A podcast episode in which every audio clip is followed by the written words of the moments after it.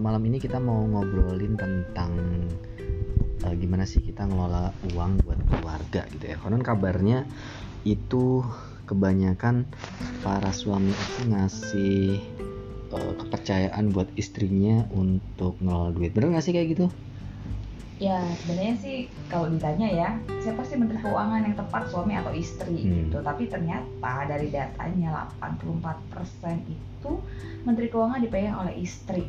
Oh banyak banget ya 84% berarti kebanyakan para suami ini ngasih uh, duitnya ke istri buat dikelola gitu maksudnya ya? Betul banget. Oh, oke, gitu. Karena mungkin suami udah terlalu capek bekerja Mm-mm. sehingga istri ini yang mayoritas sudah libur rumah tangga, uh, istri yang punya waktu luang untuk mengelola uang. Tapi masalahnya nih, Mm-mm. uh, istri paling banyak ditunjuk sebagai menteri keuangan, eh, menteri keuangan. Tetapi literasi keuangan istri itu jauh lebih rendah dibanding uh, literasi keuangan para suaminya. Walaupun masih sama-sama rendah sih. Hmm. Terus efeknya apa tuh kalau misalkan uh, seorang suami ngasih ke istri dan ternyata uh, literasi keuangan istri lebih rendah. Gini gak sih? uh, berarti sebenarnya untuk kebutuhan-kebutuhan atau impian-impian di masa depan itu juga sebenarnya udah diserahin sama suami dong se ke istri sejak awal. Iya, ada beberapa tipe sebenarnya sih uh, pengelolaan keuangan. Ada suami yang ngasih semua uangnya Mhm. pada saat gajian kasih ke istrinya Mhm. gitu. Terus ada juga yang ngasih uh, sebagian aja. Istri nggak Mhm. perlu tahu gaji suaminya berapa. Mhm. Uh, pokoknya setiap bulan kebutuhannya berapa dicukupi, Mhm. sedangkan sisanya biarkan suami yang memegang. Tapi Mhm. juga ada yang ketiga, uh, mereka duduk bersama, kemudian um, terjadi kesepakatan misalnya nih uh, uh, pengeluaran suami itu buat hal-hal yang sudah pasti seperti cicilan, seperti Hmm.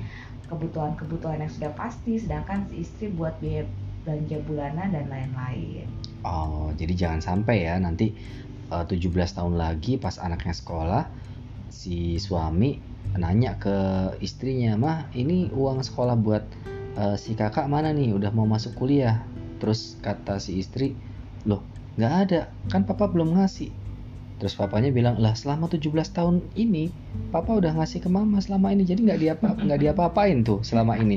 Jangan sampai kayak gitu ya. Iya, iya, karena kebanyakan istri kan tahunya eh, literasi keuangannya sangat rendah karena kebiasaan kebiasaan para istri kan hanya berkutat dan- dalam hal yang biasanya rutin-rutin Oh, nih, iya kan, iya iya bayar iya.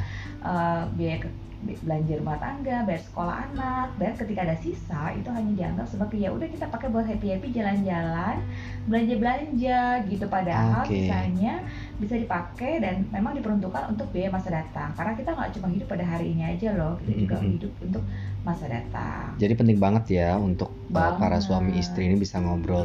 Ya anyway, kita mau ngobrolin ini nih di hari Minggu ya, sehari sebelum 17 Agustusan ya. Kita mau ngobrolin tentang gimana sih uh, para suami Iya. dan para istri ini bisa ngelola uh, keuangan keluarga biar nggak terjadi misunderstanding atau miskomunikasi di masa depan. Banget. Ya, ada workshop Three Colors of Money dan teman-teman jam 9 pagi yang belum daftar silahkan langsung uh, follow Instagram @tiga_warna_uang Yes. ya.